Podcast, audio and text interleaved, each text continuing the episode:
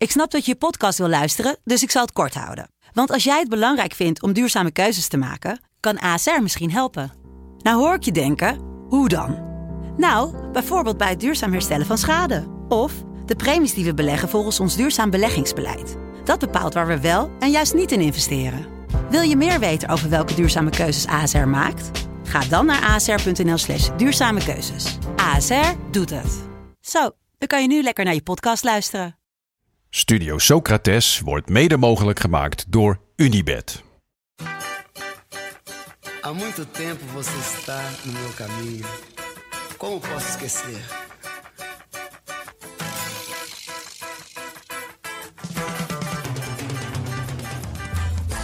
Welkom bij Studio Socrates. Een podcast over alles wat voetbal mooi maakt. Met dit keer alles over bijgeloof. A beleza é você, menina. Menina, no seu jeito de olhar. Sócrates, Sócrates, tiró.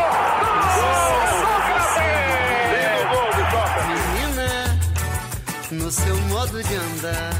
Als alle 22 spelers voor de wedstrijd zich tot God richten, ongeacht welke, en hij, die in de hemelen zijt, geeft ze alle 22 hun zin, zou elke wedstrijd 0-0 worden. Want God heeft al zijn schaapjes even lief. Net als ik trouwens. Gelukkig hebben een hoop voetballers daar een oplossing voor gevonden. Het veld ophinken, het gras kussen en altijd eerst je rechter schermbeschermer aan voor de linker, want anders gaat het helemaal mis vandaag. Maar niet alleen voetballers wenden zich tot een hoge mate van bijgeloof. Ook voetbalkijkers kunnen er wat van. Altijd hetzelfde shirt aan, altijd op dezelfde plek zitten of telkens uit hetzelfde glas drinken. Mijn vriendengroep neemt mij al 20 jaar kwalijk dat ik in het seizoen 2002-2003 de tweede kwartfinale van Ajax tegen Milan niet thuis was. Ajax verloor die wedstrijd in extremis en aangezien we al de wedstrijden daarvoor bij mij thuis gekeken hadden, was het mijn schuld. En eerlijk gezegd kan ik ze eigenlijk geen ongelijk geven. Ja, nou dan ben ik bij deze eigenlijk ook nog wel een beetje boos op jou. Als het gewoon door jou kwam. Ja, het kwam door mij. Het, eh, ik, ik, ehm, het klinkt gek, maar ik was, ik was op filosofie eh, week met, met school. En eh, ik heb hem, ja, ik heb hem toen ergens, eh, weet ik veel, ergens in België of zo heb ik hem gekeken. En eh, ja, ik, ik, ik nam het mezelf eigenlijk ook wel kwalijk. Maar die jongens, ja, die zijn echt lang boos geweest. Het is zo eh, raar dat we dat dus denken. Maar toch ook zo herkenbaar en zo logisch dat het aan jou lag. Ja, ja. dus in want, dit geval. ja wat, wat was de moeite om gewoon niet naar het filosofieweekend te gaan? Wil je nog iets zeggen tegen alle Ajaxiden? Eh, ja, het spijt me heel erg, maar het was echt een leuk weekend. Week, midweek. Maar ja, er gingen ook gewoon chicks mee en zo, weet je. Ik- Ja, ik, ja, ik dacht...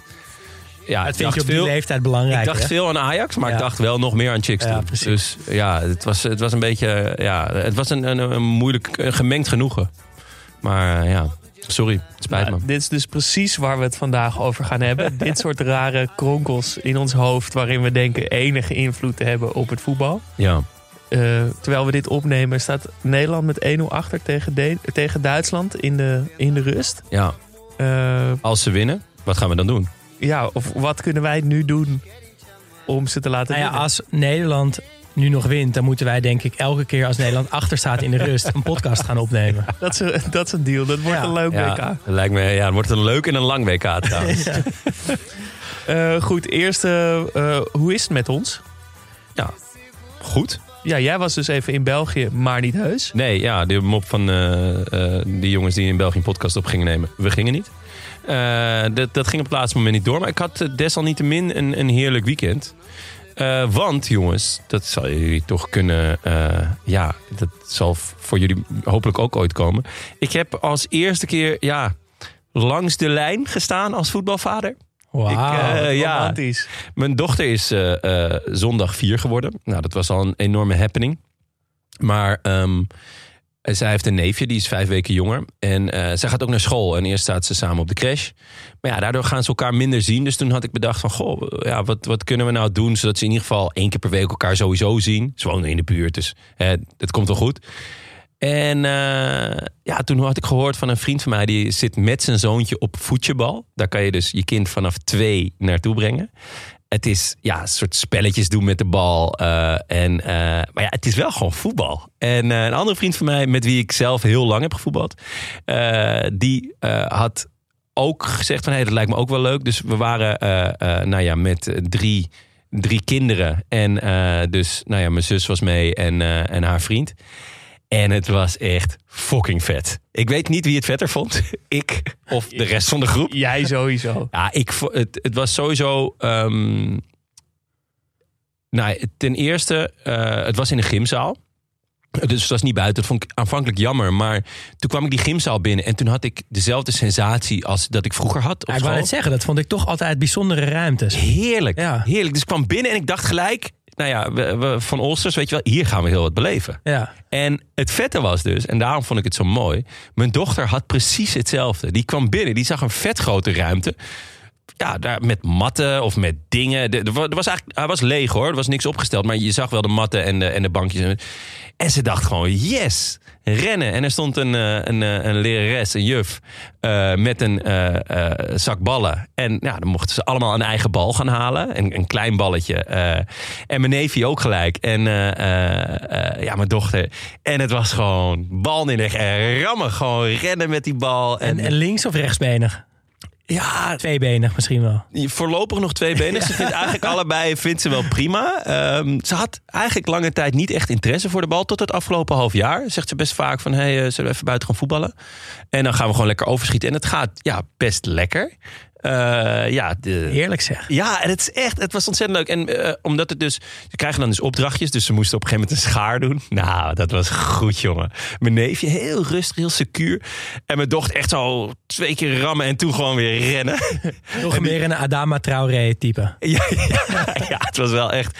Kijk, eh, mijn, mijn vriendin is ook, die voetbalt ook. En, maar wel heel anders dan ik. Iets Rotterdamser. Gewoon, ja, rouwdouwen, veel meters maken. Terwijl, ja, ik toch wat ja, wat luier, wat meer met mijn hoofd. Eh, maar ja dat, dat, ja, dat dit er dan uitkomt, het verbaast me ergens ook niks. Maar het was echt, echt ontzettend leuk. Dus eh, ja, ehm, ja, echt een mooi moment. Het, het voelde gewoon. eh, en het was ook leuk, dus met die vriend van mij heb ik ook jarenlang gevoetbald. En die vond het ook echt minstens net zo leuk van, om daar met zijn zoon te zijn. En eh Nou, ah, dat was voor- heerlijk. Vorige week stonden we bij eh, Daan langs het veld. Misschien kunnen we binnenkort ook een, op, een aflevering over voetbal maken. Nou ja, nou ja, ja het, is, het is een half uurtje, drie kwartier. Maar ehm, Nou, dat halen we wel. Nee, maar jeugdvoetbal is wel echt leuk om een keer Ja. over, over te hebben, denk ik. Dit is, dit is nog gewoon een beetje gimmen met een bal. En af en toe een opdrachtje en een liedje zingen. En op een gegeven moment, dat was genieten. Aan het eind mochten ze allemaal, hadden ze zo'n groot rond doek, net zoals bij de Champions League. En dan mochten ze allemaal heel hard wapperen ermee. Helaas werd niet de Champions League liedje gespeeld. Dat had ik. Jammer. Het ging toch een of ander lied over dieren of zo. Dan denk je, Gemiste kans. ja, inderdaad, doe dan gewoon lekker die, die klassieker. Ja, Gooi die die, erin. eh.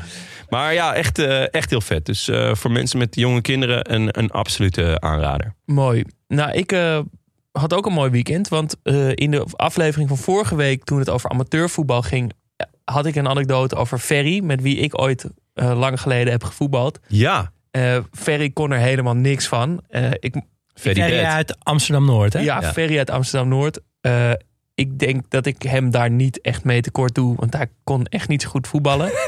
Ehm, maar hij zei ooit, eh, toen we dus al veel te oud waren en hij nog steeds niet echt goed kon voetballen, heeft hij ooit gezegd op de vraag: wat wil je later worden? zei hij profvoetballer. Ja. En dat heb ik altijd onthouden en zo mooi gevonden. Dus dat, dat vertelde ik vorige keer. En dat is via, via een vriend van jou, Daan. Nee, geen vriend, maar wel iemand met wie ik eh, in een groepsapp zit. Omdat we samen FPL spelen. Fantasy Ah, ja, ja. En hij luistert eh, blijkbaar dus ook de podcast. Ja. En, En hij... ik, hoop niet dat hij jou wel als vriend beschouwt. Want dan zou dat wel eens een de vriendschap kunnen nee, zijn. zeker niet. Nee. Ehm, maar hij kende, of tenminste hij dacht Ferry te kennen. Want hij hoorde jou vertellen over Ferry, eh, de paté. Daar ging hij heel erg op Ja, aan. ja, ik heb met hem ooit één keer nog tegengekomen toen Ferry eh, mij popcorn verkocht in de paté. In de bioscoop. Geen profvoetballer geworden dus. Nee, nee, dat eh, mag geen verrassing zijn. Maar ehm, Mats dacht, ja, ik ken die Ferry. Volgens mij was dat mijn trainer bij, eh, waar was het? Bij, eh, bij de Meer, geloof ik, in Amsterdam. En eh, hij is blijkbaar ook nog reservekeeper geworden bij Jos Watergaasmeer. Dat is wat Mats ons wist te vertellen. Anyway, dus bij een paar keer op en neer ging, gaan, heeft hij Ferry weten te strikken. te traceren. passeren. en eh, Ferry heeft een voice memo eh, gestuurd. Nou, dat is- was in mijn weekend natuurlijk meegemaakt. Ja, gooi hem Dus, erin. Hey Jasper, hoop dat alles met je goed gaat. En eh, wat leuk te horen dat je me nog kan herinneren vanuit je podcast. Nou ja, hoe zo zou je me niet kunnen herinneren eigenlijk. Hè? Met mijn fluwele techniek en twee linkerbenen verraste ik elke tegenstanders, inclusief mezelf. Nee, even serieus, ik kon er echt helemaal niks van. Ik vond het gewoon leuk om te voetballen en eh, stiekem toch wel die droom om profvoetballer te worden. Alhoewel je beter eh, wel wist. En nog ook gelachen met je broer Marius en eh, Willem, die later nog meester Kees is geworden in de film. Dus nee, echt. En eh ome Cor, hè, waar we nog op trainingskamp waren geweest, Frankrijk of Duitsland en een voetbaltoernooi hadden gehad. Nee, dat zijn wel leuke dingen die altijd eh, bijblijven. Nou, uiteindelijk ben ik dus geen profvoetballer geworden. Ik heb er wel alles aan gedaan. Maar eh, ik denk van nou, als je geen profvoetballer wordt, eh, dan ga ik maar aan de weg tim als trainer. Ik heb bij Geuze Middenmeer de hele jeugd eh, getraind. En uiteindelijk ben ik met de A1, eh, de godenzone van de club, doorgegroeid naar de zaterdag 1. Ja, zes geweldige jaren gehad. En sinds dit seizoen ben ik trainer van de Heren 2 bij eh Wartburgia. Dus het lijkt me lach om een keertje weer af te spreken, om even bij te praten. Misschien ook met je broer erbij. In ieder geval heel veel succes eh, met je podcast en eh, hopelijk tot snel. Ja, Ja. schitterend. Ik vind het echt een fenomenale eh, move van hem. Ja, eh, dus heel erg bedankt Ferry. Heel erg bedankt Mats voor het eh, connecten. En eh, ik ga binnenkort een biertje met Ferry drinken. Ja, leuk. Misschien eh, dat we een potje kunnen kijken bij Wartburgje en dan eh, een lekker een biertje in de kantine doen. Dat lijkt me een goed idee. Ja, hij verraste gewoon niet alleen de vijand, maar ook zichzelf met zijn bewegingen. Dat vind ik echt schitterend. En Ja. ik- volgens mij mij ook. goed, eh, genoeg daarover. goed zeg, Eh, ja. Wat maakte voetbal mooi dit weekend? Ja, eh, voor, mij Dries Mertens, die zijn zoon Chiro noemt. Chiro Romeo Mertens. Ja, schitterend. Ja, en Chiro wat jongetje in het Napolitaans betekent. En Chiro ook hoe Dries zelf wordt genoemd in Napels. Omdat hij ja, zo goed is ingeburgerd. En ja, ik vind dat zoiets moois hoe, hoe eigenlijk een, nou ja, een beetje zullige kleine Belg... de grote man in een stad als Napels is geworden. En als je goed naar hem kijkt, klopt het ook eigenlijk wel een beetje. Want het, Napolitanen zijn vaak wat kleiner. Lekker gebruind, opgeschoren kapseltje heeft Dries inmiddels ook allemaal. Ondeugende blik. Ondeugende blik, Ja, inderdaad. Ja, ja, ja. Alleen ja, dat je dan Dries heet is, is lastig. ja, dat is lastig. Dat, is voor iedereen lastig. Nog wel aardig opge- opgelost dus met Dries Armando Mertens, hoe die daar ook genoemd wordt. En dus Chiro. Ehm, maar dat hij zijn zoon zo noemt, vind ik echt, eh, echt iets heel moois. Ja. Maar zijn zoon is natuurlijk ook eigenlijk gewoon een Napolitaan. Die ja, die krijgt een dubbel paspoort. Ja, die Ja. krijgt gewoon eh, een Italiaans en een Belgisch paspoort. Oh, wat goed zeg. Het zou wel kunnen dat Dries daar snel weggaat, want hij speelt wat minder. En als ze dit jaar misschien wel kampioen worden, is dat natuurlijk het perfecte moment om eh, nog een beetje zakken te gaan vullen in Amerika of, of weet ik veel wat. Maar ehm, ja, die naam. Ik zou dus ook een beetje te denken. Hebben jullie, ja, jij hebt twee dochters, Jonne. Ja? Maar heb je, heb je wel eens nagedacht over hoe je de, naam voor een toekomstige zoon eventueel? Zlatan. Eh, ja, ik, eh, toen, toen we nog niet wisten wat, worden, wat, wat het zou worden, dachten we allebei dat het een zoon zou Ja. worden, de eerste. En eh, ik, wou, ik vond Ibra een hele leuke naam. Maar Ja. ja, ja dat eh, kwam er niet in. Nee. Eh, we hebben wel eh, pellen ook nog, omdat eh, dat natuurlijk de grote gemene deel is tussen mij en mijn vrouw. ja. Ehm, dus ja, dat, dat, ja, daar, Ja, want ik vind het dus wel vet dat het zo'n naam met een andere cultuur is. En ik, Ja. ja, ik vind zelf bijvoorbeeld Arabische namen heel mooi. ja. Maar ja, kan ik mijn kind later bijvoorbeeld Said noemen of zo? Of is dat heel gek? Ja, mij mag het wel. Ja, het toch? kan. Sutorius is wel mooi. ja, het kan sowieso. Het gewoon, ik zou het gewoon doen. Een vriend van mij die, die, had, die zat met hetzelfde probleem. Eh, die vond namelijk Japanse namen heel vet. Dus Shinji en Keiske. Hij was een groot fan van Honda ook. Maar dat heeft hij er niet doorheen gekregen bij, niet gedaan. bij zijn vriendin die ook nog Indonesisch is. Eh, ja, dat, dat lag toch wat gevoelig om dan een Japanse naam te nemen.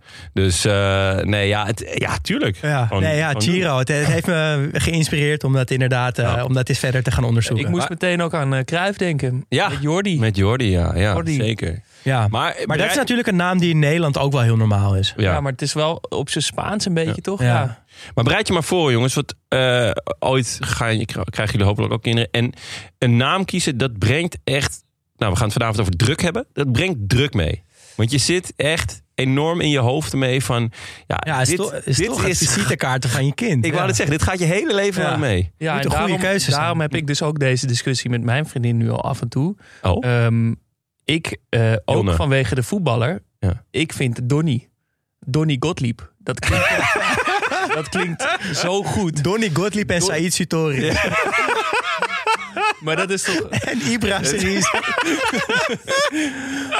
Ja, ik weet, Donny Oh, dat op is wel zichzelf echt een staand, heerlijk trio, hoor. Donny op zichzelf staand, moi, Moi. maar Donny Gottlieb Donny Gottlieb is, gewoon wel een inderdaad. filmster. Ja, Dus eh, zolang er geen beter alternatief is, blijft deze on Ja. the table. Anna, als je luistert. Dat weet ze nu wel hoor.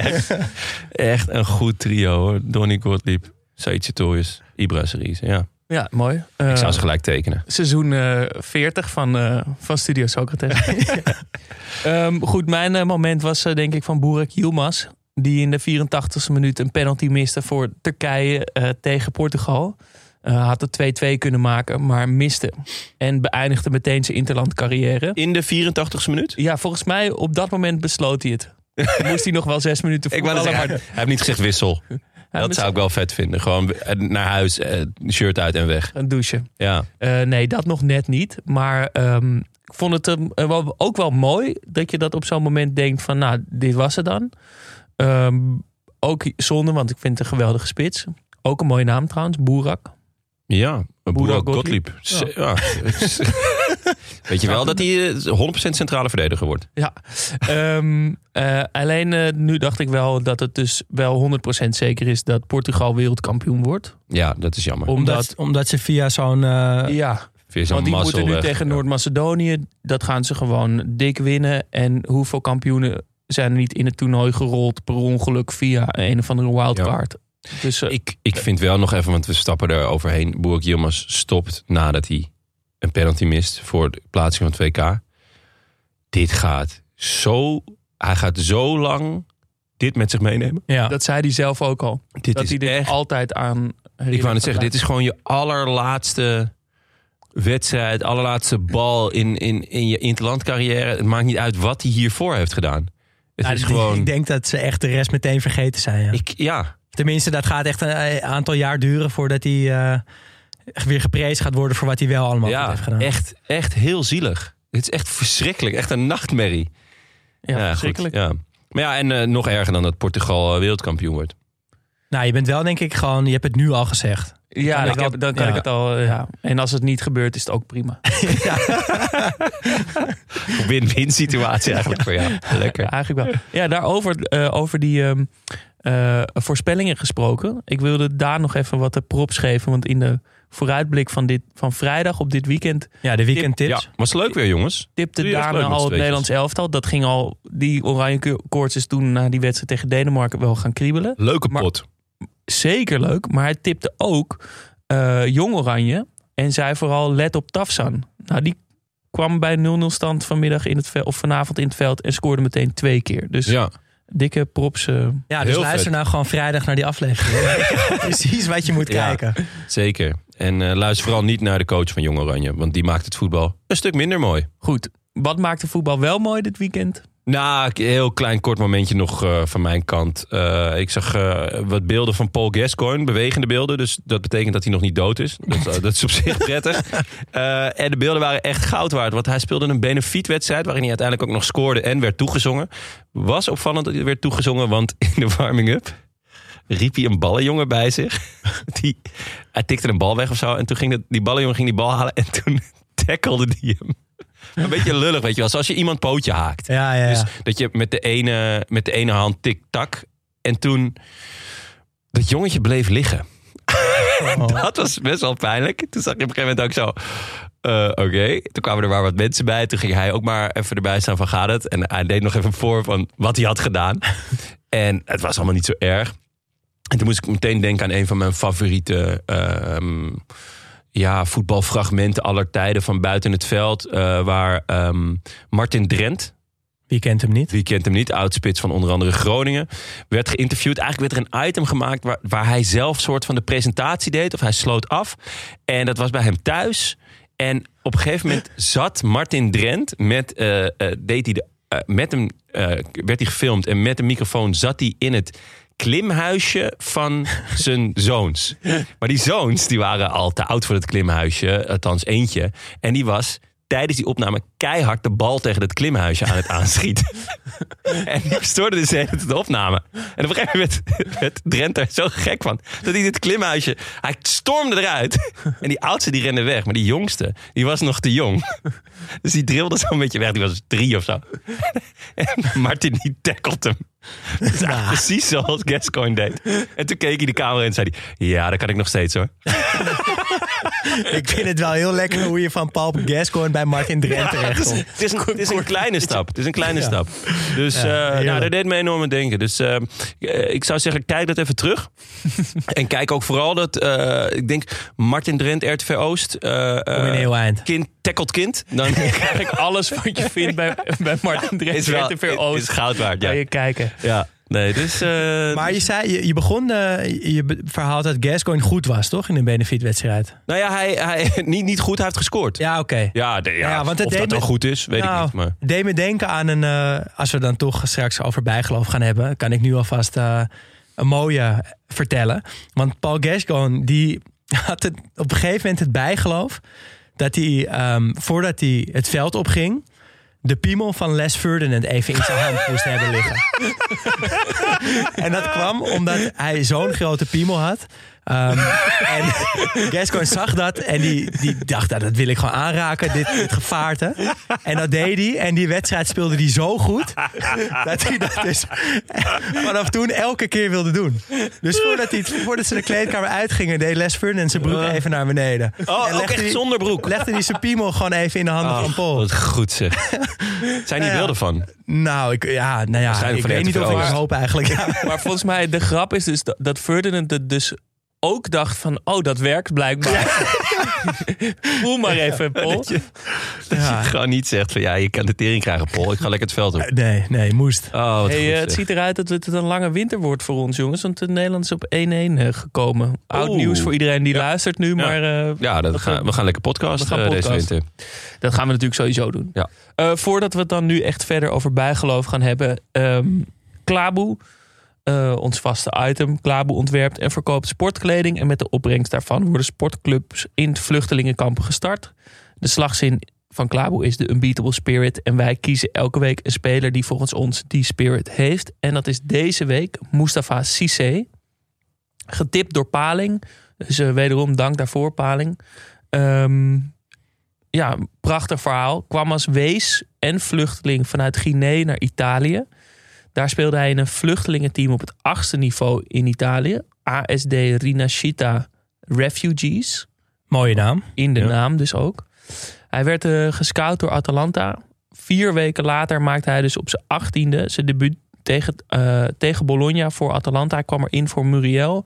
Scoorde na 15 minuten de winnende goal. Insane. Ja, dit is echt het droomverhaal eigenlijk, Dus, toch? ja. Voor de Klaboe-speler van de week. Dus in een maand Ja. tijd ga je van vluchteling in een vluchtelingenteam Ja. naar matchwinner en winnende goalsmaker in de Serie A voor Atalanta. Ja. En ik vind het dus dan ook geen toeval dat Atalanta hem oppikt. Ja, ja, ja. We hebben het in onze aflevering over eh, scouting, was het? Nee, transfers? Ja, transfers over Atalanta gehad. En hoe zij ja overal heel vet. verborgen parels vandaan weten te toveren.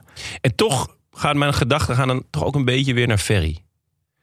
Want Ja. waarschijnlijk heeft eh Mustafa ook in een auto gezeten met een moeder en een, eh, ja, Ja. Een, een vriendje van. en op die een vraagt, boot in de Middellandse Zee. Ja, en die vraagt wat wil je worden?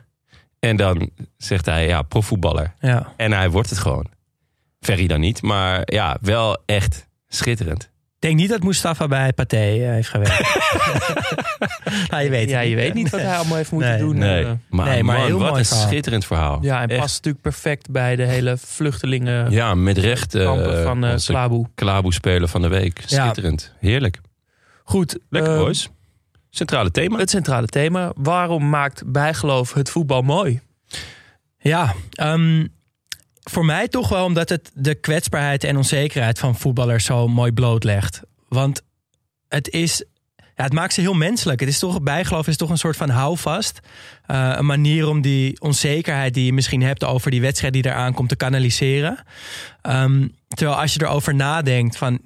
Ja, gaat het nou echt uitmaken dat ik mijn linker scheenbeschermer eerder omdoe dan mijn rechter? Ga ik daardoor nou echt beter spelen? Dan is het antwoord nee waarschijnlijk. Maar toch zijn er gewoon nou, zoveel spelers die miljoenen per jaar verdienen... die, die 30 goals per seizoen maken, die dat wel doen. Ja. De allergrootste De spelers allergrootste spelers. doen het. En dat vind ik eh, ja, een soort van kwetsbaarheid die, waar we het ook niet zo heel vaak over hebben. Dat het misschien wel eh, juist dat zo goed blootlegt. Eh, ja, dat, dat, dat komt heel goed naar voren in, in het bijgeloof. En dat vind, ik, dat vind ik wel echt mooi eraan. Ja. Dat denk ja, ik ben het daar helemaal mee eens. Dat tegen beter weten in. Ja. Dat er toch dat stemmetje achter in je hoofd is wat zegt: Ja, maar ja, je weet het niet zeker. Zo, eh, ja, ja, ah, ik kan Ja. het natuurlijk gewoon wel doen voor de zekerheid of zo. Ehm, ja, dat is het ook. eh, Vooral wat is de moeite? ja, en ook denk ik, precies. Maar ook denk hoe nuchter je ook bent. Als je club in de laatste minuut 1-0 achter staat en je moet winnen. Dan ga je gewoon hele rare dingen doen.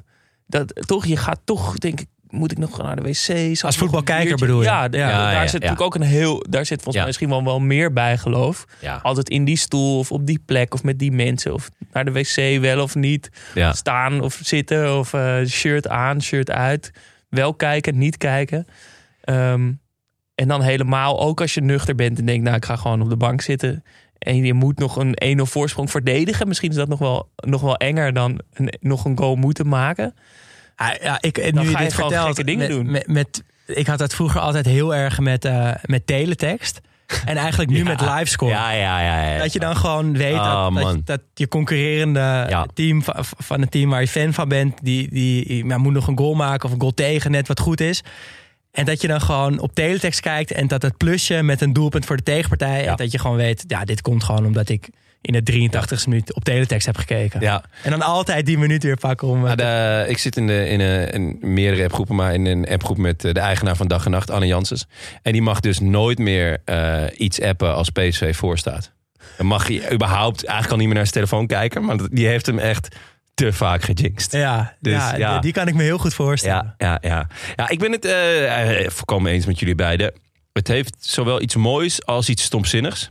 Ja. Eh, en toch hebben we het allemaal wel gewoon een keer gedaan. Eh, toch hebben we allemaal wel een soort van bijgeloof gehad.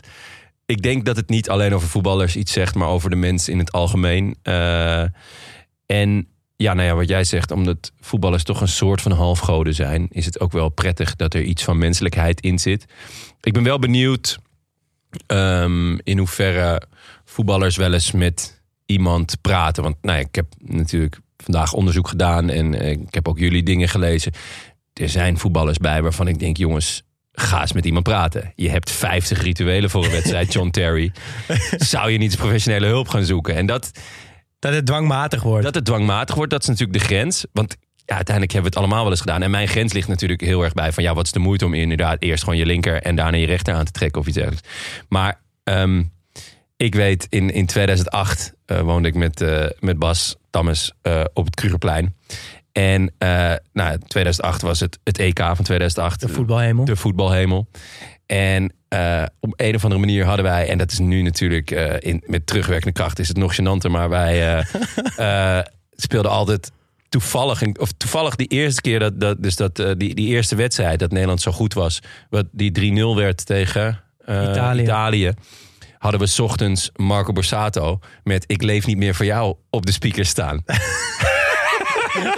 nou ja, Dat kan nu helemaal niet meer. Nee, nu kan het echt niet meer. Nu kan het. Het kon toen al niet. Nee, ja, dus. En vanaf toen gewoon elke matchday, dus Nederlands elftal, dan werd ik gewoon wakker. Eh, volle bak werd die aangezet. En we wisten, oké, vandaag gaat het gebeuren. Ja. Het gaat goed komen ook. Dus eh, ja, dat, en volgens mij uiteindelijk toen met, met Rusland hebben we het ook niet gedaan. Of was het, was, het, was het niet goed gegaan of zo? Of had ik niet thuis geslapen, of hij niet, weet ik veel wat. Waardoor... Maar muziek is speelt ook altijd iets- vaak een rol daarin inderdaad. Ja, ja. Van een nummer wat je voor, in het laatste nummer voordat je de kleedkamer uitgaat. Ja, of ja, een nummer ja. wat je juist altijd draait als je wint. Ja, dus ehm, ja, dat, dat eh, ja, Maar je... die, die menselijkheid, wat jij zei, dat, het, dat verbaast me toch ook dat, eh, bij spelers waarvan je denkt dat ze al duizenden wedstrijden hebben gespeeld, zich niet meer druk op maken. Maar dat Afalai bij Studio Voetbal laatst vertelde dat Messi voor elke wedstrijd moet, moet overgeven. Ja, Ja, dat, dat vind ik echt ik absurd. zo Ik kon dat ook niet geloven gewoon. Ja. Dan denk ik, ga ook, doe dan niet dat broodje bal voor de wedstrijd. Daar komen we straks nog Ja. op. Nee, ja, dat, eh, ik weet, ja, dat heeft dan misschien minder met een ritueel te maken, maar met spanning. Ja. Daar gaan we het nu ook over hebben, over die Ja. wedstrijdspanning, waardoor je die gekke dingen gaat doen. Eh, maar dat zo iemand die zo speelt op zijn intuïtie als Messi. Gewoon iemand die zo goed is Ja. en al zo lang en dat al zo vaak heeft bewezen. Dan toch voor de wedstrijd nekkie gaat. Ja, dat is, dat is echt bijna niet te bevatten, joh. Ja. Ik ga ook tijd nekkie hoor, voordat wij deze opname doen. Maar dat is meer omdat ik heel veel drink overdag. Goed, ehm, ja, hadden, ja, jullie hebben natuurlijk wel echt veel gevoetbald. Hadden jullie, hadden jullie bijgeloofjes tijdens het zelf spelen? Ehm, nou, ik had wel, eh, wel een beetje een persoonlijk verhaal. Maar ik, ik had wel één bijgeloof wat ik redelijk lang heb volgehouden. En- en mijn vader is eh, vrij vroeg overleden. En altijd als ik het veld dan opliep, dan keek ik even naar boven naar het, nou, een, mooi wolkje. Omdat hij ooit had gezegd, ja, als ik er straks niet meer ben... dan zit ik op een wolkje rustig naar jullie te kijken. En dat was dan een soort van houvast van... Nou, dat, dat hij er dus wel nog een beetje was. Ehm, maar ik merkte toch ook wel snel dat ik dat meer deed omdat ik erin wilde geloven dat hij daar dus echt ergens zat. Dan dat ik dat nou deed omdat ik dan wist dat ik goed ging voetballen. Maar dat was toch een soort van houvast en ritueel om zo'n wedstrijd nou ja, goed in te gaan. Maar op een gegeven moment appte dat dus ook wel weer langzaam weg. En dat is een beetje gekomen ook met mm, nou, dat ik wat lager ging voetballen en dat ik er ook wat minder waarde aan ging hechten. En dan appte dat dus ook een beetje weg. Eh, en inmiddels eigenlijk helemaal. Maar als ik eraan terugdenk, vind ik het toch wel. Ik ben wel blij dat ik dat altijd gedaan heb. Ja, Tenminste, lang gedaan heb. ja ik, eh, het, is, het is buitengewoon herkenbaar eigenlijk. Eh, mijn vader overleed toen ik 15 was. En hij was mijn trouwste fan. Ehm, ik denk in de tien jaar dat hij me heeft zien voetballen... dat hij nou, drie, vier potjes heeft gemist. Ehm, hij stond altijd langs de lijn en vaak ook naast de paal. Dus toen hij er niet meer was... eh, ja, nou ja, we, voor de wedstrijd knikten we altijd even naar elkaar. Van nou, eh, hè, veel Ja. plezier. Want ja, net zoals dat ik plezier had in het voetbal... had hij plezier in het kijken naar mij. En daarna eh, broodje koket en eh, analyseren. En de wedstrijd nog een keer naspelen in de woonkamer. En, eh, en dat heb ik inderdaad. Ik heb het lang gedaan na zijn dood. En nog steeds, als ik naar ANVJ fiets om te voetballen, als ik ergens inval of om te kijken. en ik fiets langs eh Zorgvliet waar die ligt, dan even zo'n knikje van nou, pap, eh, ja, ik ga er weer voor. Of, eh, en als ik naar huis fietste, dan ja, vertelde ik altijd even de einduitslag. Dus eh, ja, ik, ik, ik weet niet of het bijgeloof was of meer een ritueel. Of dat het, zoals jij ook zegt, dat het echt een manier was om, om mijn pa niet te vergeten. Ja. En nou ja, het voetbal en mijn liefde voor, voor het voetbal eh, is enorm met hem vervlochten. Dus, dus ja, dat was ook een manier om, om dat levend te houden. En ik vind het ook niet heel gek hoor dat het weg hebt, want het is, het is inmiddels ook lang geleden.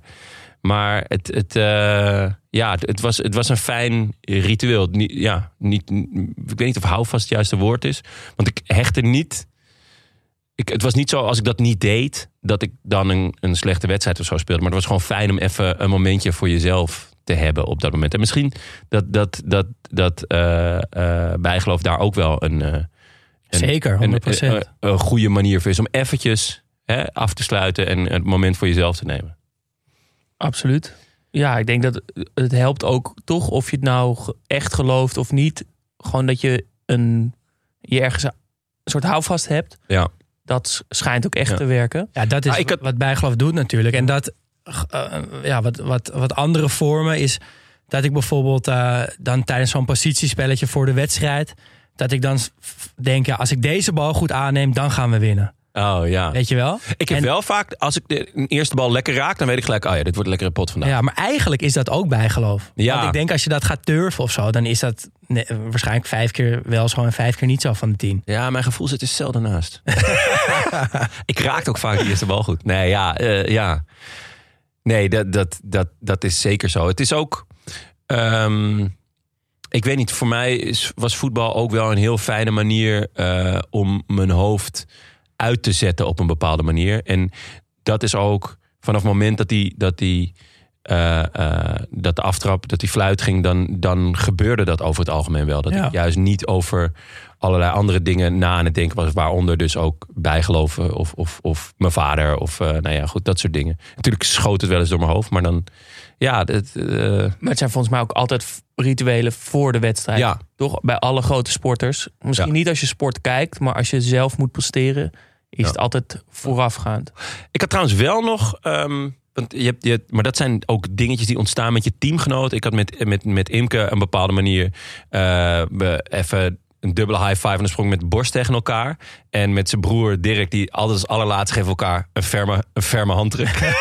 en dat was meer gewoon een geintje. En dat was ook een beetje om. Ik, ja, ik, ik, ik vond het altijd leuk in de kleedkamer ook gewoon een beetje geintjes om juist die spanning wat eraf te halen. Dat was mijn manier om met spanning om te gaan. Eh, en daar, dat, dat, ja, spanning is ook een belangrijk thema eh, de- deze week. Dus dat, dat waren voor mij ook dingen ook om het, hoe belangrijk het ook was die zaterdag, om het toch ook een beetje soort van in perspectief te zetten. Wat natuurlijk vlak voor de wedstrijd niet of nauwelijks lukt, maar het was wel, het werkte wel of zo. Het, het was wel even. Maar daar zit er iets rationeels aan. Dat echte bijgeloof is natuurlijk iets totaal stomzinnigs, wat je toch maar doet. Ja, ja dat had ik. Dat, ik ging niet mijn eerst mijn links en dan rechts. En dan. eh, nee, het was gewoon eh, kleren aan en gaan. En jij, Jas? Iets? Ja, Nee, ja, ik speelde met Ferry op een heel le- eh, lekker laag niveau. Ik ben nooit zenuwachtig voor een wedstrijd geweest. Maar denk je dat op. bijgeloof samenhangt met het niveau? nee, denk Nee, ik ik niet. denk het toch? dus ook niet. Mm, nou, denk het wel enigszins. Ik denk hoe meer er op het spel staat, hoe meer je het risico niet wil lopen. Echt? Ik, vind- Ik heb me nooit zorgen gemaakt of we gingen verliezen of niet. Want ja, Je won alles. nee, we verloren alles. dus nee, ja, ik, heb, ik zat te denken van, ken ik dit dan? Of zo, die, dat je zo op zo'n moment moet presteren. En ik heb in een eh, donker verleden wel eens geacteerd. ik dacht, nou, misschien is, het, is het dan... eh,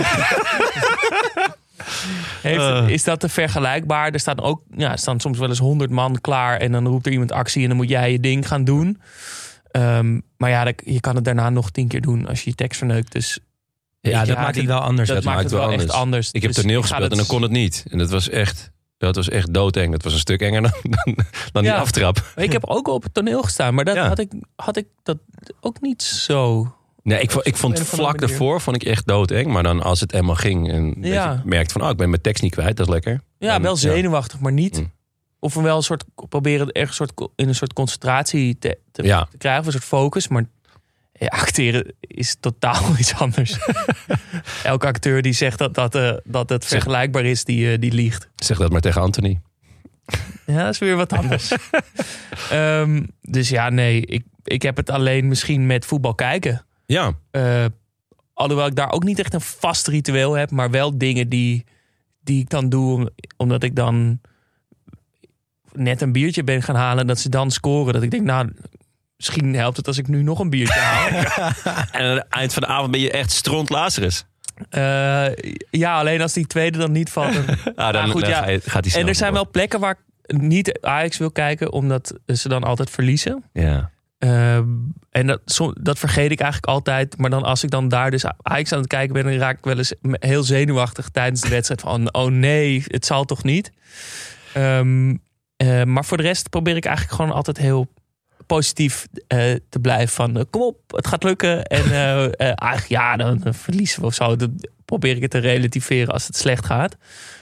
Dat is denk ik geen bijgeloof, maar meer dat het gewoon voor iedereen leuker is. Het is gewoon een goede wedstrijd. Ik wou het zeggen, ja. als het ja. gewoon een soort leuke, positieve manier Ja. van kijken is. Ja. Heb jij dat dan? Als je, als je wedstrijden van Ajax van Nederlands elftal... Nou, ik heb één ding wat ik denk ik toch wel een bijgeloof wil noemen. En dat is dat ik altijd de aftrap wil zien. Als ik de aftrap mis, dan voelt dat gewoon echt heel vervelend. Dat, daar, daar ben ik het wel mee eens. En dat komt denk ik... ehm, nou, enerzijds omdat ik mezelf dat gewoon verteld heb, dat dat niet moet. Maar als ik er wat, wat dieper over nadenk, vind ik het begin van een wedstrijd ook het lekkerste gevoel van Ja. wedstrijd spelen en ook van wedstrijd kijken. Omdat nou, je hebt gewoon een blank canvas voor je eigenlijk. Alles kan nog. Alles kan nog, alles begint op nul. En we mogen eindelijk. En dat gevoel wil je niet missen. Want Ja. als je later inspringt in een wedstrijd, dan, ja, dan, dan heb je hem niet hetzelfde beleefd als, als de mensen waar je naar kijkt, zeg maar. Maar, maar is dat een beetje logisch? Of Nee, ja, Ja, op een hele rare manier. Maar dat is bij wel veel van dit soort bijgeloof dingen. We komen straks nog op te spreken. Dat het op een of andere manier, op een hele irrationele manier, heel logisch is.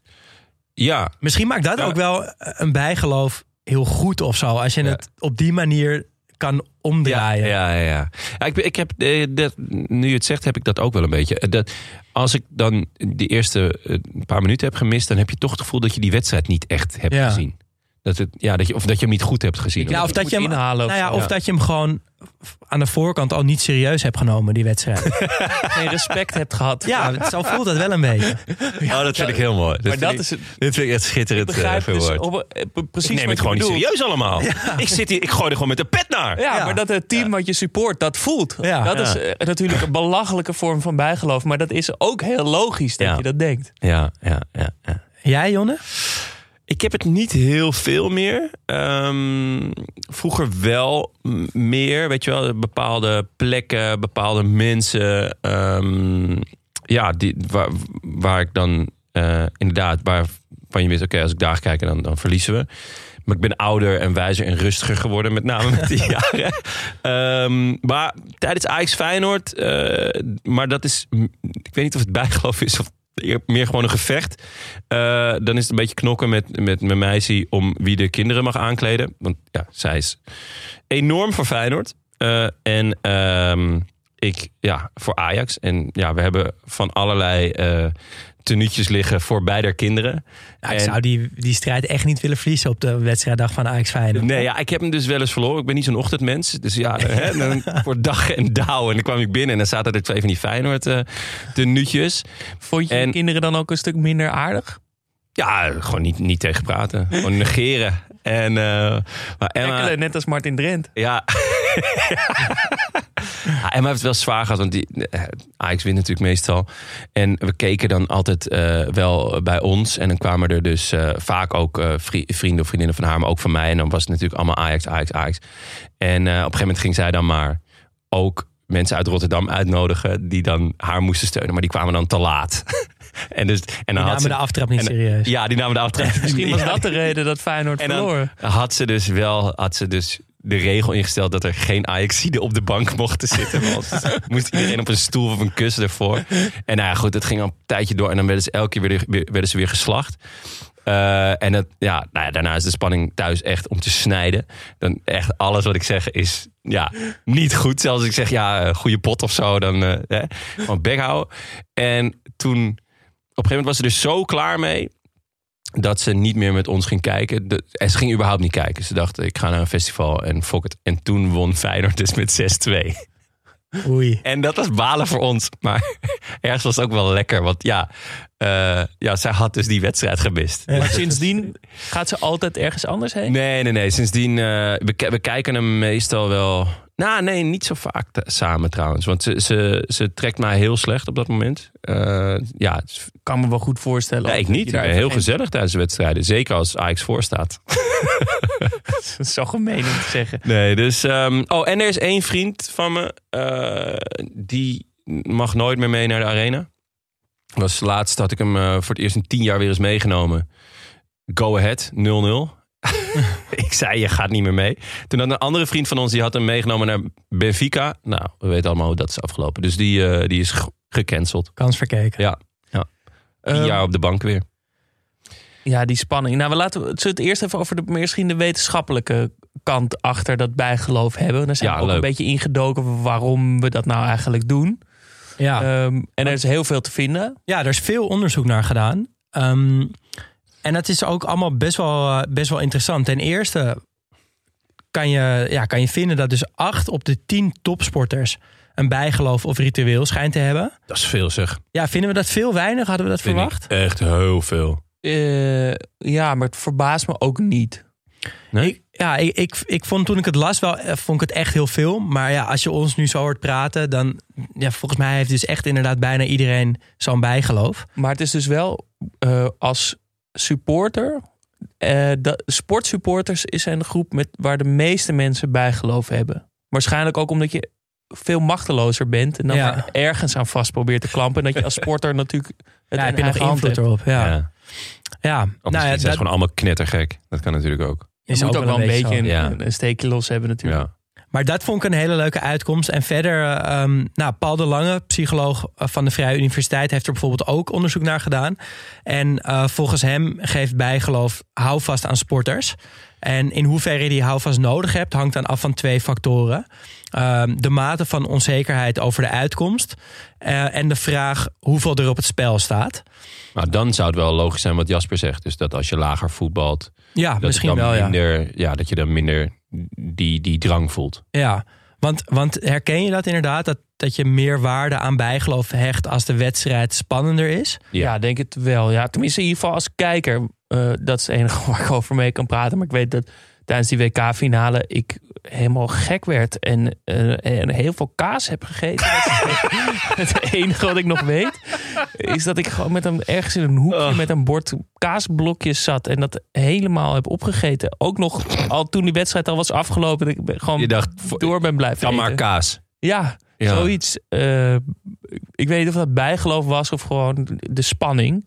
Maar absoluut, als er meer op het spel staat als supporter, eh, word ik, ga ik, ja, word ik veel zenuwachtiger. En dus ga ik rare dingen proberen te invloed te hebben. Ja, Ja, dus dat is dan ik, bijna... ben, ik ben het ook wel mee eens. Want die, die, Ja. eigenlijk die twee voorbeelden die ik geef, dus die kwartfinale Ajax eh, en eh, nou ja, het EK. Dat is natuurlijk Ja, dat ook, zijn eh, hele spannende Dat zijn natuurlijk momenten. echt spannende momenten dat je ja, toch, nou ja, er ook veel meer mee bezig bent. En dus ook meer eh, druk erop gaat leggen Ja. van, oh ja, het moet wel goed gaan vandaag. Ja, en als voetballer herken ik het ook wel een, ook eigenlijk wel. Van als ik nu terugdenk aan de momenten dat ik ja, meer met, met de wedstrijd bezig was, dan was ik denk ik ook meer bezig met die, met die paar kleine rituelen die ik dan fijn Ja. vond.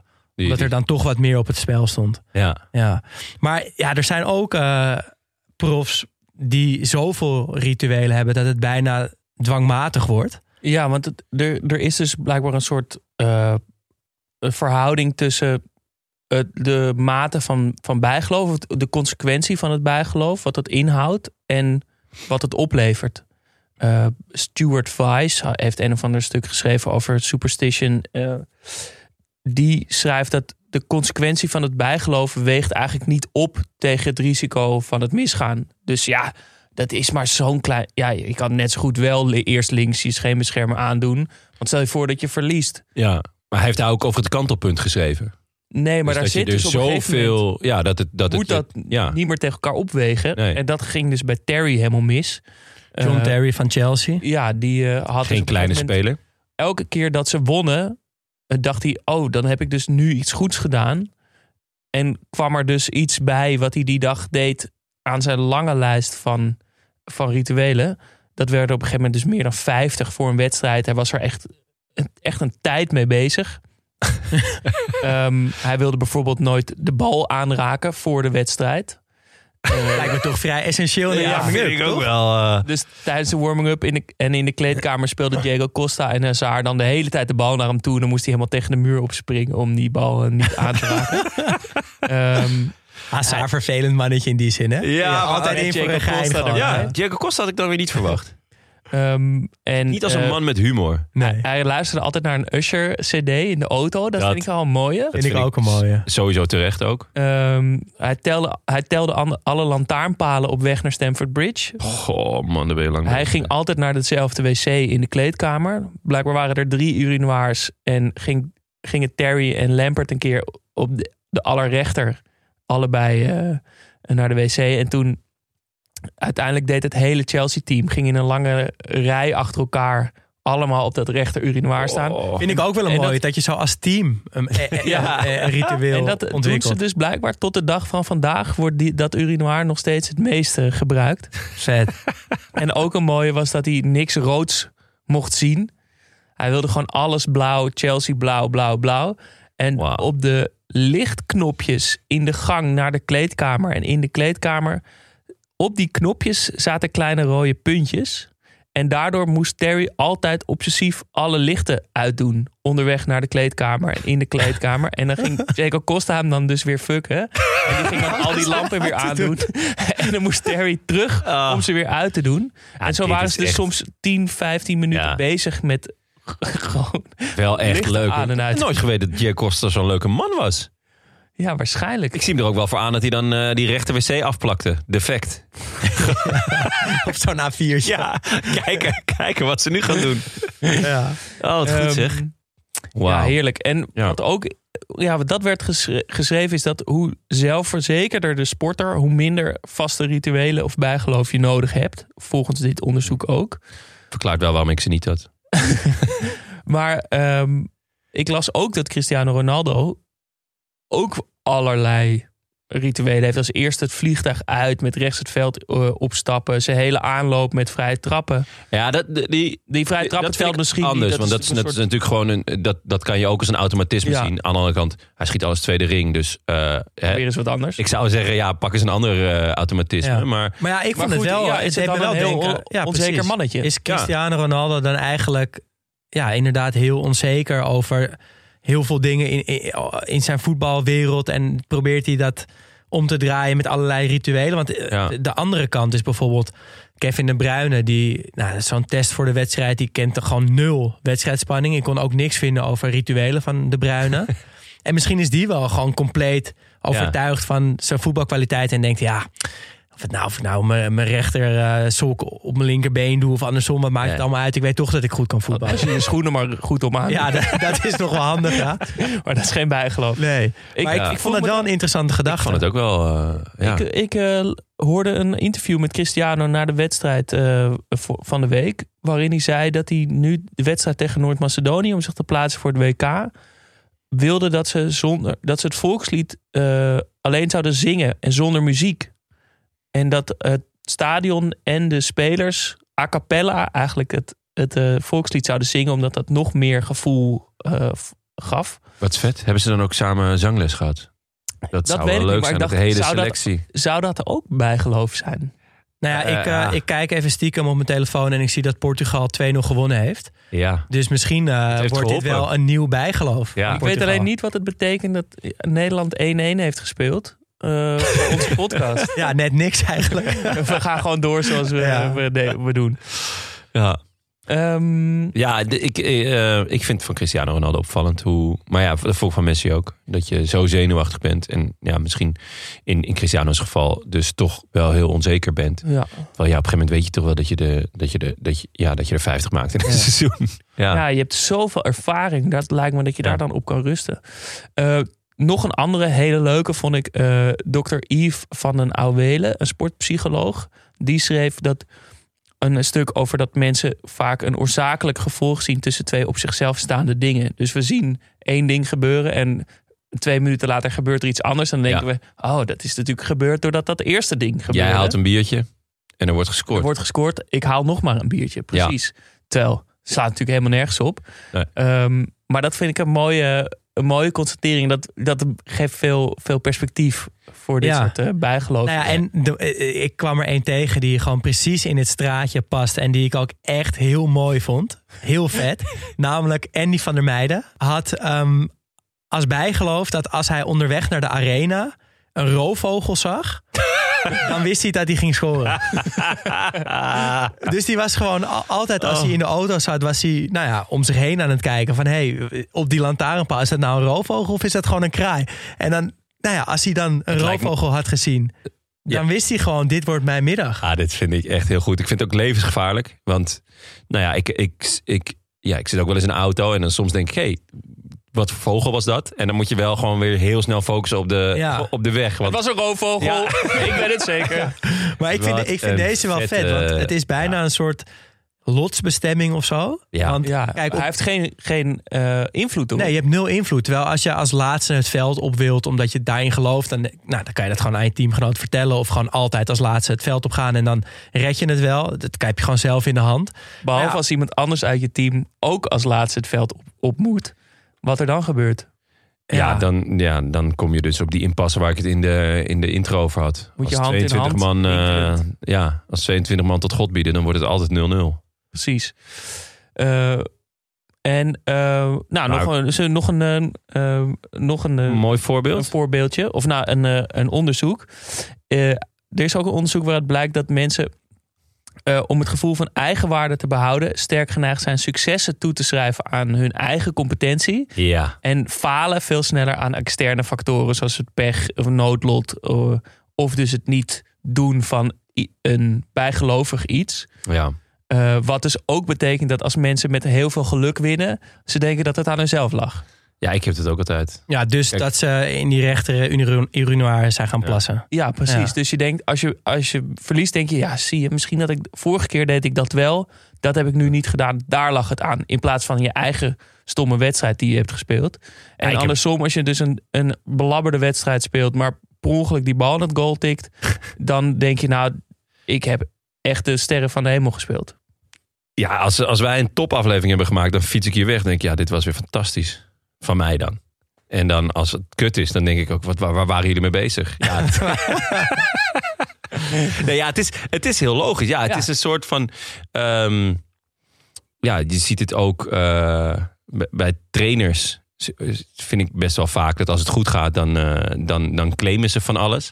En als het slecht gaat, ja, dan wordt het toch vaak naar de spelers geweest. Ja, het is, het is heel logisch. Maar dat dat dus ook met, ehm, met geluksfactoren, ja, Ja. dat is natuurlijk eigenlijk van de gekken. Maar ja, Zeker voor trainers kan ik me voorstellen die dat ook hebben, omdat ze zo langs de zijlijn staan en Ja. ook niet echt invloed hebben. nee. Nou goed, eh, laten we het ook even over die wedstrijdspanning houden. En daar draait het natuurlijk eigenlijk een beetje om dat we dat doen, omdat we die wedstrijd zo spannend vinden. ja, om dat te beteugelen of zo, om, Ja. om er grip op te krijgen. Misschien in eerste instantie houden jullie van die spanning. Ja, ik hield er als voetballer, als ik zelf speelde, hield ik er eigenlijk heel erg van. Ik denk dat ik over het algemeen wel beter was in belangrijke wedstrijden. Bijvoorbeeld nou, kampioenswedstrijd waarin het supergoed ging. Of de wedstrijden ehm, ja, die, die daarvoor waren, die we ook echt moesten winnen. Dat was toch wel, dan had ik toch wel iets extra's. En dat zat denk ik gewoon in mijn concentratie en in mijn focus. En nou, dat helpt denk ik wel in beter voetballen. Ehm, en ik merk ook dat als die uitdaging er wat minder is, dat ik ook echt wel minder goed voetbal. En dat is eigenlijk heel kinderachtig. Want dan, ja, dan haal je het dus zo erg van, uit externe factoren. Ja. eh, in plaats van vanuit jezelf. Ehm, aan de andere kant snap ik het ook wel dat het gewoon een beetje zeggen, zo het is werkt. toch ook maar gewoon logisch. ja, Als het om de knikkers gaat, dan, dan, ja, dan, dan ben je toch in staat tot meer.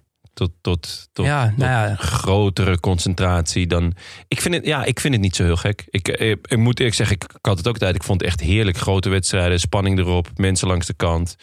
En dan ja, gewoon die hoge spannen verwachtingen. En dan met z'n allen eh, één team, één taak. Hè? Team Makkeli. Team Makkeli. ja, we hadden het even voor de uitzending over dat filmpje van eh Makkeli tijdens de klassieker. Goed gefloten, boys. Goed Ja, gezien, die- boys. Die ja, echt, echt als drie neurtjes het veld op gingen. elkaar ook de hele wedstrijd lang zeiden hoe goed ze het hadden gezien. Ja. Ze hadden verloten ook een uitstekende wedstrijd. Eén team, één taak. Ehm, en vlak voordat ze het veld opliepen, zei Makkeli tegen zijn tegen zijn assistenten: één team, één taak, boys, kom op.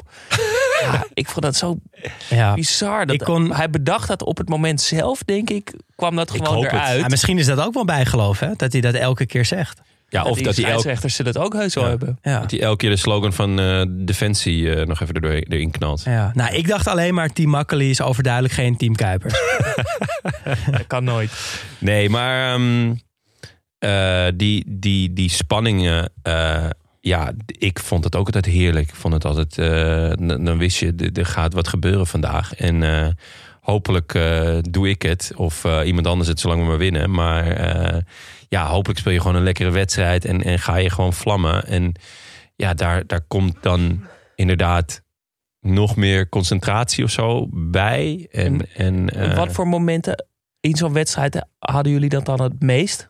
Ja, ik vind penalties daar echt het ultieme Ja. voorbeeld eigenlijk Ja, van. vind ik Want, ook. want dan ben je je gewoon heel bewust van die spanning. Ja. En je kan je achter niks verschuilen. nee, en hij moet erin. En hij, ja, precies, hij moet er gewoon in. Dus, dus daar komt eigenlijk heel veel samen qua spanning. En misschien ook wel van bijgeloof. Want hoe ik penalties nam, dat, ik weet niet, dat dat is niet per se bijgeloof. Maar ik had daar wel gewoon mijn riedeltje aan dingen. Gewoon hoe ik een penalty fijn nam. Gewoon aftre of aanloop vanaf de rand 16 meter. Eh, altijd naar de keeper kijken. Altijd even een paar keer goed in- en uitademen voordat ik begin met mijn aanloop. Ehm, en Ik dacht altijd één seconde van... Eh, dat ik hem, dan pakte ik de bal en dacht ik, kut, ik ga hem missen. En dan wist ik, yes, ik ga hem maken. ik had mijn pingels ook gelijk. Omdat, de, inderdaad, er, zijn geen excuses. Hij moet erin. Eh, je, als, als, als speler, nou, het is niet, je kan niet alleen maar verliezen. Maar de, als, als je hem mist, nou ja, we hebben het nou, nou over Boerik Yilmaz gehad. Ja, dat is echt, echt heel kut. Ook als je daarna nog door moet. Eh, dus, dus de, en, en je hebt inderdaad tijd om na te denken. Dus dat jij zo'n ritueel had, had ik ook wel. Eh, ik, had, ik had ooit een boek erover gelezen en ik had gewoon, daar waren wat st- statistieken uitgekomen wat dan het beste was. Dus je aanloop omdraaien, dus niet naar de keeper kijken en zo. Ik had het allemaal, ja, allemaal uitgelezen en daarna eh, continu geoefend. Dat, dat biedt natuurlijk houvast. En ik denk dat dat is ook, ook iets is met al die rituelen die je dan probeert te doen, eh, die op een gegeven moment omslaan in bijgeloof. Dat, dat, dat je op zoek bent naar houvast eh, op het moment dat de druk het hoogst is. Ja.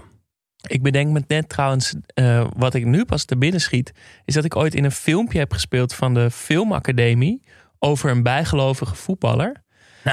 dat komt hij nu mee. Ja, heel raar. de hele dag zitten voorbereiden. Ja, ongelooflijk. Daar, daarin speel ik een, eh, een hele slikke verdette met zijn haar helemaal strak naar achter. En ook een mooi bandje in zijn Ah, haar. Eh, die eh, voor het veld een amuletje kust en in zijn sok stopt. En ook een, een, een ketting met een kruis om zijn, om zijn nek heeft en dat af en toe kust. En gedurende dat filmpje in die wedstrijd zie je me steeds meer, Meer, meer, gekke dingen meer, en doen. meer doen. En het, het eindigt ermee dat ik een penalty ga nemen.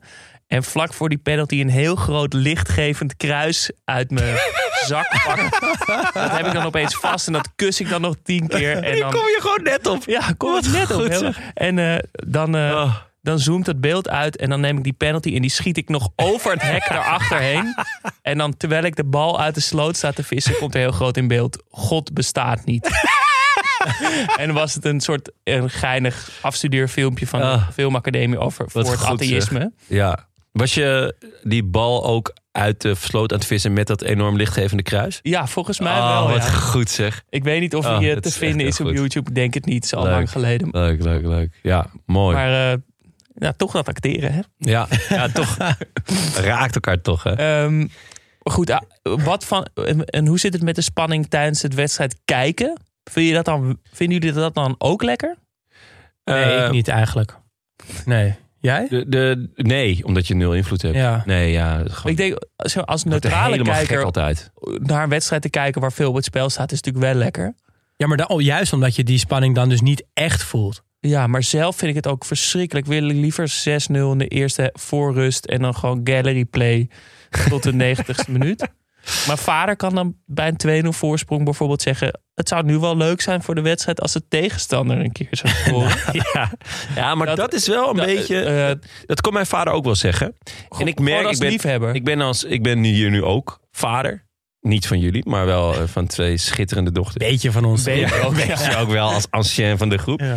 En ehm, ja, ik, ik merk gewoon, ik merk, ik word gewoon milder met de jaren. Gewoon wel, nou ja, uh, Ajax Benfica heb ik me wel weer enorm oplopen vreten.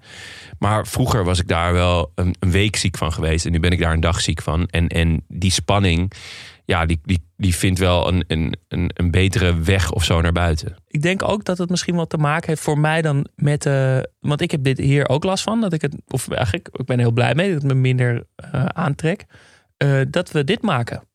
Ja. Ik zie het allemaal wat meer in perspectief of zo. Ah, ja. Maar voor mij Ja. helpt dat wel. Het is wel een, mooie uitlaatclub. Ja, dat, dat, daar zit wel wat in, ja. Ik zit minder in die tunnel van we moeten winnen, we moeten Ja. winnen. Maar ik kan er iets meer uitzoomen Ja, en denken ja, van... ja. oh, het is ook maar een voetbalwedstrijd.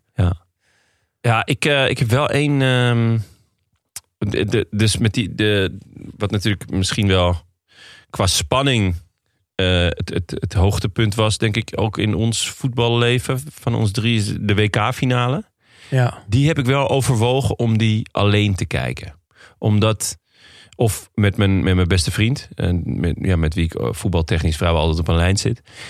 Ehm, ten eerste omdat eigenlijk die, die wedstrijden van Nederlands elftal, als, er, als, het, als ze ver komen en je kijkt meestal met z'n allen of in een kroeg of weet ik wat, krijg je er toch minder van mee. Hoewel ik wel altijd zorg dat ik heel vroeg aanwezig ben, dus een goede plek heb. Maar toch, er gebeurt van alles. En, en ik werd echt vaak te lijp van vervelende mensen om me heen. Die, die ja, voornamelijk chicks, moet toch gezegd worden. het, het spijt me, maar het waren vrijwel al de chicks die nooit voetbal kijken. Behalve bij WK's. Ah, daar ben ik echt knettergek van. En dan doen alsof ze enorm aan het supporteren waren. En het ook, oh, kansen en oh, yes. En weet ik wat.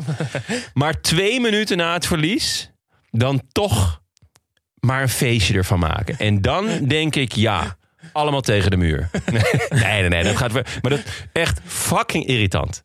Ja, ik herken dit wel een beetje hoor. Ja? Ja, daar, daar ben, ik, ben ik heel blij om. Een vriend van mij heeft een keer een aanvaring gehad met een meisje. Dat is eh, de jongen met wie ik op Terugplein woonde. Want er was eh, na de uitschakeling voor de voetbalhemel in, in WK twee- of EK 2008 tegen Rusland... was zij de hele tijd op een fluitje aan het blazen. En hij zei op een gegeven moment van... Hey, eh, kap nou even met het fluitje. Toen werd het nog even grimmig. Ja, herkenbaar wel? Ja, zeker. Nou, tenminste niet chick specifiek, maar gewoon de mensen met wie je kijkt is wel belangrijk. Of Ja. dat de sfeer goed is, of dat je in ieder geval een beetje geconcentreerd het goed kan zien. Ja. Anders word ik ook helemaal... Ja, en belangrijke wedstrijden inderdaad liever niet in een kroeg. Nee. En eigenlijk ook, eh, want nou, ik zat laatst weer eens in de arena bij eh Ajax Feyenoord. En, en nou ja, de- hoe, hoe, ja, gewoon, er zitten mensen die, ja, die, die ken ik al jaren, want ik zit er al tien jaar. Ik ga met de vader van, eh, van diezelfde jongen weer, ga ik regelmatig naar naartoe. En ja, het is gewoon alsof ik naast mensen zit die, die, die nog nooit een voetbalwedstrijd hebben gezien. Dat ze gewoon ook spelers zeggen van, ah, de, die niet eens meedoen. Dat ik denk, hoe kan dit nou? En dan Ja, dat, moet dat is gewoon niet aan. leuk met voetbal kijken. Nee. Vind ik ook echt verschrikkelijk. Dus ja, weet ook niet of het stadion nou de beste plek is. Gewoon alleen goed, dat is- thuis dat met, heeft een, met niks een met- groot beeldscherm. Dat heeft met de spanning te maken en Ja. niet zozeer Ja. met, de, met het bijgeloof. Ja. Eh, wat wel met bijgeloof te, ma- eh, te maken heeft, is de konijnenpoot van Paling. Ha mannen, Paling hier. Ik heb zelf weinig met bijgeloof, maar hier in België kent iedereen de konijnenpoot van Guy Thijs. Guy Thijs was onze bondscoach van de Rode Duivels van eind jaren 70 tot begin jaren 90. We spreken vaak over de gouden generatie nu, maar onder behalen we toch ook wel enkele mooie resultaten, zoals een vice-Europese kampioen in 1980 en werden we vierde op het WK in 1986. En dat allemaal dankzij misschien de konijnenpoot van Thijs, die zijn geluksbrenger was. Het is zelfs zo dat later een van zijn spelers, Mark Wilmots, toen dat die bondscoach werd van de Rode Duivels, bleek hij veel geluk te hebben met de lotingen. Voor de loting van de kwalificatie van, 19, ehm, sorry, van 2014, het WK in Brazilië, zaten wij in pot 3, hè, want we waren toen nog belangen nog niet die grootmacht dat we nu zijn. En we, uit pot 1 en pot 2 trokken we het laatste land, namelijk Kroatië en Servië. En we speelden een heel goede campagne en plaatsten ons voor het WK in Brazilië. Ook de lotingen van 2016 en 2018 vielen mee. En toen gaf Wilmots toe dat op het moment van de loting de konijnenpoot van Guy Thijs op zak had. Groetjes, Paling. Wauw, de konijnenpoot. Ik kan alleen maar denken, is dat dan echt een konijnenpoot? Ja. Of is dit een Ja, synoniem dat is voor... een eh, ouderwets. Ja, eh, wij, we hebben het nog even aan Paling Lucky gevraagd. Charm is We dachten misschien is het wel een Belgische snack of zo. ja, je hebt is de gewoon- berenklauw, de konijnenpoot. De poot van een konijn. Dat ja, klopt. nee, maar dat is, dat is toch ook een ouderwets iets. eh, ik wist dat niet. Nee? Oh, dat is een lucky, eh, lucky charm. Ja, een en zo, Ja, een klavertje 4. Dat Ja. soort dingen. Van Gaal heeft een hoefijzer in zijn binnenzak zitten. En een gouden pik. Oh ja, dat was het. Ja. Is, is, is gewoon een zak zitten. Ehm, laten we dan meteen ook even een paar andere mooie verhalen van spelers die met bijgeloof. Het zijn er eindeloos veel. Ik verdronk helemaal in de voorbeelden van, eh, van spelers, maar er een paar zijn het allermooiste. En het, de mooiste daarvan is natuurlijk het kussen van het hoofd van Bartes. Ja. Het begon met Laurent eh, Blanc, die Bartes een, een kusje op zijn hoofd gaf op het WK 98. Dat werkte.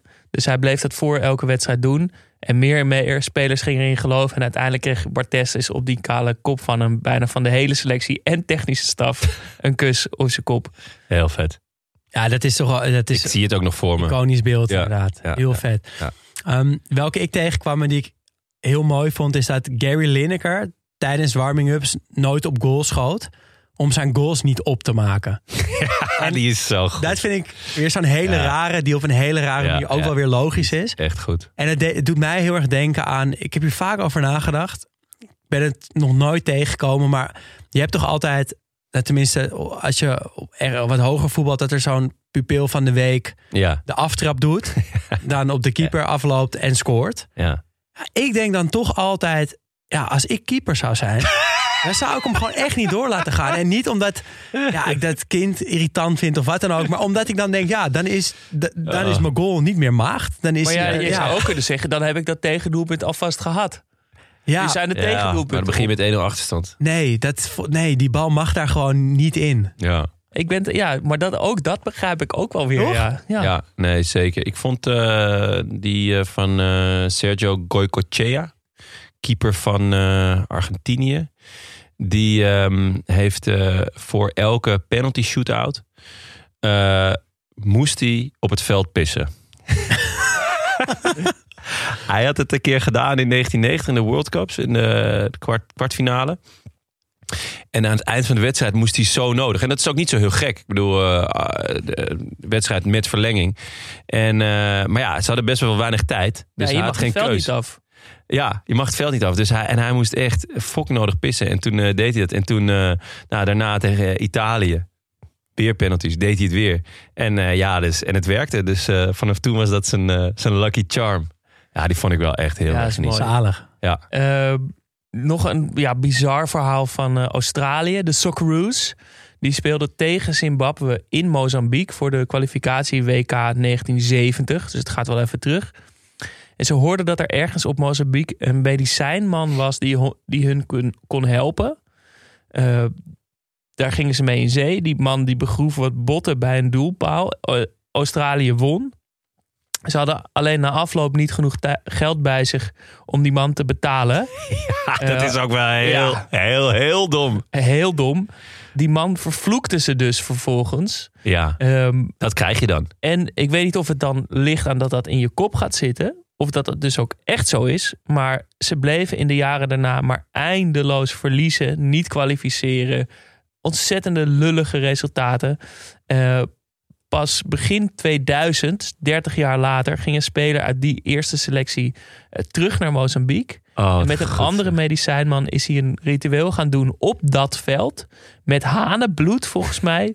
En eh, Australië kwalificeerde zich voor in eh, 2006 voor het WK. Daar weten we alles van. Ja, was Guus toch? Die eh, toen... Het zou eh, wel kunnen. Was, dat- ja. was dat niet Nederland eh, eh, tegen Australië? Ja, ik dacht dat het... twee- 2006? 2006 Ja. het is Guus. Nou, doet er verder niet Ja, er dat zijn- weten? Dat hij het gewoon aan wat hanenbloed te danken heeft? Dat hij, dat hij daardoor zo ver is gekomen? Het lag helemaal niet aan Guus. Ik Nee, het wat was ze in gewoon- Korea hebben gedaan. Wat een Eh, verhaal. Wat vet dat je dan gewoon 30 jaar later denkt... Nou, ik weet niet of het... Ik ga toch eventjes naar Mozambique. ja. Om daar ritueel met hanenbloed te doen. blijkbaar zat het, zeg maar, was dat best wel veel moeite om dat te doen. Maar Ja. het risico, omdat ze al zo lang alles aan het verliezen waren, woog het toch op om het maar te proberen. Blijkbaar. Ja, ja, ja, Was dat, die pijn zat zo diep, voelde hij zich zo schuldig dat het het waard was. Vet. Ik had nog een korte van eh, Melvin Camara, international van Sierra Leone.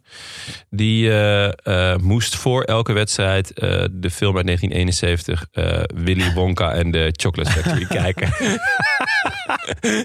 Hij Ja, zei, dan, dan eh, wil je niet drie wedstrijden in de week voetballen. hij zei, I have to watch it before every game. It gets me in the right mood. It's been my favorite film since I was little. It calms my nerves and gives me luck. Maar dat is zo mooi dat het echt zijn favoriete film is. Ja, dat is wel heel erg genieten. Eh, nou, nog eentje dan. Ja. PISA-voorzitter Anko Netani strooide altijd wat zout op het veld voor, voor de wedstrijd.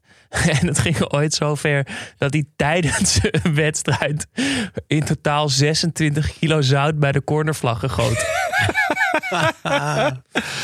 Oh, Ja, dat is wel echt, Ja, echt bijgeloof. Ja, veel, eh, Ehm, moois. We hadden ook nog wat eh, inzendingen, toch? Ja, we Ja. vroegen het ook aan jullie op Instagram, op Vriend van de Show. Daar kregen we ook, ja, dat, is, dat verbaast me eigenlijk toch wel dat er zoveel dezelfde soorten bijgeloof. Waar je zit, wat je aan hebt, wat je luistert, met wie je kijkt. Eh, de volgorde van iets links of rechts vaak uitmaakt. Biertjes, eh, veel dingen van de spelers en dus ook van luisteraars of in het algemeen die, die toch ook overeenkomen. Ja, mooi om te zien. Maar ehm, eh, bijvoorbeeld Milan de W, die, die stuurde in. En dat vond ik wel grappig. Want hij zegt eerst... heel groot, niet bijgelovig. Maar kan niet met de rechtersok aan mijn linkervoet spelen en vice versa. nou, ik heb nieuws voor je, Milan de W. Je bent wel bijgelovig. Ik vond eh, die van Roy Scheffers ook heel goed. Ehm, een broodjebal voor de wedstrijd. Ja, dat is goed. Dat is goed. En. Koen Ruseler, die, eh, die vond ik ook heel mooi. Want da- dat is wel eentje die we nog niet eerder zijn tegengekomen. Maar ja, broodjebal natuurlijk ook niet. Maar Ja. deze vond ik dan ook wel weer... Ik kon me er wel wat bij voorstellen. Ehm, die smeerde elke vrijdagavond het wondervet van Smit Kruif. En eh nou, kiksenwinkel, sportwinkel op de Elandsgracht. eh smeerde hij elke vrijdagavond op zijn kiksen. ja. En dat deed hij omdat zijn vader hem vertelde dat Kruif dat ook altijd deed voor de wedstrijd. heel vet. Eh, daar geloofde hij in en dat is hij eh, ook elke vrijdagavond gaan doen. heel vet. Ook echt schitterende winkel trouwens. Prachtige Groot winkel. fan. Of je nou voor Ajax bent of niet, moet je gewoon een keer heen gaan. Ja, Cruijff trouwens veel tegenstander van, eh, van rituelen. eh, als coach dan. Hij wilde dat zijn spelers dat niet deden. Zelf eh, sloeg hij altijd keeper Gert Bals. Eerst in zijn maag. En daarna spuugde hij zijn kauwgom op de, veld van de, op de helft van de tegenstander.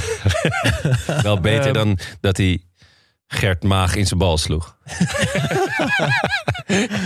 Eh, en als laatste Rick van de Wolfshaar. Die stuurde... Wij hadden vroeger in de B1 een paraplu. Die moest standaard naast de dugout in het gras gestoken worden. Zodra er voor de aftrap werd gefloten. Nu al lekker. Dat was ons bijgeloof. Ja. Eén wedstrijd kwamen we binnen 10 minuten achter en keek onze trainer naast zich bij de dugout. De paraplu stond er niet. Onze leider is hem toen gaan halen en op het moment dat hij hem uit de achterbak van zijn auto pakte, scoorden wij de 2-1. Uiteindelijk wonnen we deze wedstrijd met 4-2 en werden we dat jaar kampioen in de derde divisie landelijk. Die paraplu heeft naast de kampioenschaal jaren in de prijzenkast gestaan. Oh, wat goed zeg. Oh, dat is echt een goed verhaal. Die collectieve, Ja. Dat collectieve bijgeloof is misschien wel de mooiste. Dat dat hele team ja. vindt dat die paraplu allemaal- daar... En Ja. ook op het moment dat die bal wordt afgetrapt... dat Ja. je hem dan pas Ja, in de grond mag staan. Daar moet hij staan. Heerlijk. Oh, wat leuk, wat leuk. Ja, heerlijk. Leuk, Fijn. boys. Ja, Echt eh, mooi, eh, mooi om een keer uit te diepen en te analyseren. En vooral, nou ja, al die voorbeelden, die waren wel echt lekker. ja, dus blijf het vooral doen, denk ik, dat bijgeloof. Ga nu niet denken, oh, het is maar... Waar ben ik eigenlijk mee bezig? Blijf het gewoon maar doen. Ja, totdat het John Terry vorm aanneemt. Hè? Ja, dan, dan moet moet je gewoon een keer met een professional gaan praten. Ja. Want eh 50 rituelen waarbij de lichtknopjes allemaal uit moeten. Ik vind dat de grens op mm, acht ligt. Acht, vind ik Ja. veel hoor. Als je meer dan drie, dan moet je toch wel la- langzaamaan gaan denken van... hé, hey, ik ben eigenlijk een beetje een gekkie. Misschien, moet ik een keer met de professional gaan praten. vijf dan. Vijf. Wie, eh, ja. wie geen gekkies zijn, zijn de Nee. nieuwe vrienden van de show. Eh, daar zijn we heel blij mee. Cas Hermans. Cas je- Hermans, dat is leuk. Die heeft na ons, als podcastmaker, denk ik de mooiste baan ter wereld. Oh. Hij werkt bij Nike, dus zit hij vrij hoog in de boom. En eh, ja, daardoor ontmoet hij dus alle grote voetballers voor allerlei ja, promoties. Ja, hij heeft gewoon Slatan ontmoet. Kijk, dan, ja, dan heb je wat mij betreft wel... De mooiste baan. Ja. Dus eh, nee, echt schitterend. Heel Fijn. vet. Nou, toch extra fijn dan. Ja. Cas Hermans. eh Ascher. Jeroen Jansen. Demvel Demvries. We hebben, we hebben ook een andere eh, vriend van de show... Met, volgens mij met een woordspeling op eh, Denzel Dumfries. Ja. Eh, en de broer van Eva, vriend. Nou, dat is leuk. Ja, die was trouwens... die, was naar, die waren naar Urk gekomen om eh, mij dus te zien voetballen. De broer van even vriend. Ja, en Eva Vriend. Oh, dat was de Ah. schrijfster van dat stuk in Ja. Hard Gras over eh, eh, Urk. Dat waren we toen vergeten. Ah, Ja, ze ook weer heten. Ja, ehm, maar toen was ik geblesseerd. Dat is wel lullig. dat is wel Dus sorry nog daarvoor. Ja, Maar ja. dat is wel een leuke Ja. aflevering. En ook weer een, heel, een boel eh, verlengers. Heel veel eh, ja, mensen die al een jaar vriend van de show zijn... en het nu verlengd hebben met nog een jaar. Super vet. Heel erg bedankt daarvoor. Ja, eh, in dat jaar hebben we natuurlijk een hele hoop eh, mooie afleveringen gemaakt. Ook onze oude afleveringen zijn nog steeds eh, te beluisteren. En ook, nou ja, het is niet per se actueel allemaal. Dus je, ze zijn tijdloos. Klassiekers, zou ik bijna willen zeggen. Natuurlijk die over Feyenoord, dat u even Cup won. Frankrijk van Zidane in het EK 2000. Of het Roma van Totti Goal. Die in 2001 nog de Sc- Scudetto won. Om eh, maar eens een paar eh, pareltjes te noemen, jongens. Studio Socrates wordt mede mogelijk gemaakt door Dag en Nacht Media. Wil je meepraten? Dat kan. Laat een bericht achter op vriendvandeshow.nl slash Studio Socrates of via Instagram studio-socrates. Mailen kan trouwens ook. Ons e-mailadres is studiosocratespodcast.gmail.com. Vond je het leuk? Geef ons dan een 5 sterren review op Spotify of word vriend van de show vanaf 2,50 euro per maand. En Zorg ervoor dat wij eh, voor elke aflevering een broodje bal kunnen kopen.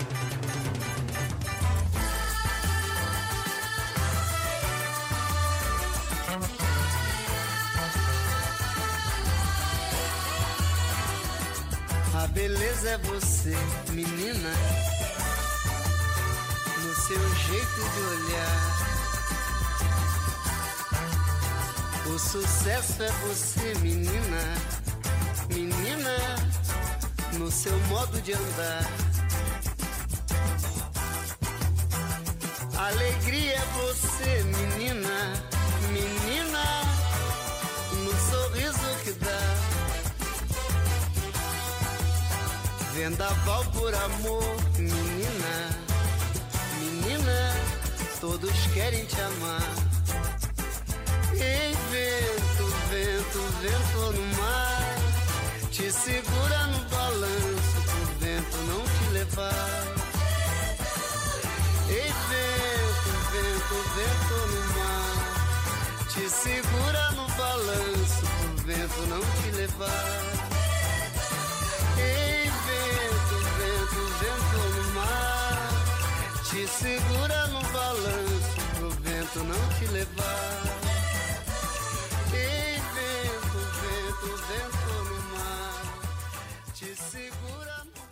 Balanço. Koopmeiners gewisseld in de rust. Lekker. voor? Wijnaldum. Heel blij dat ik net op eh, start had gedrukt.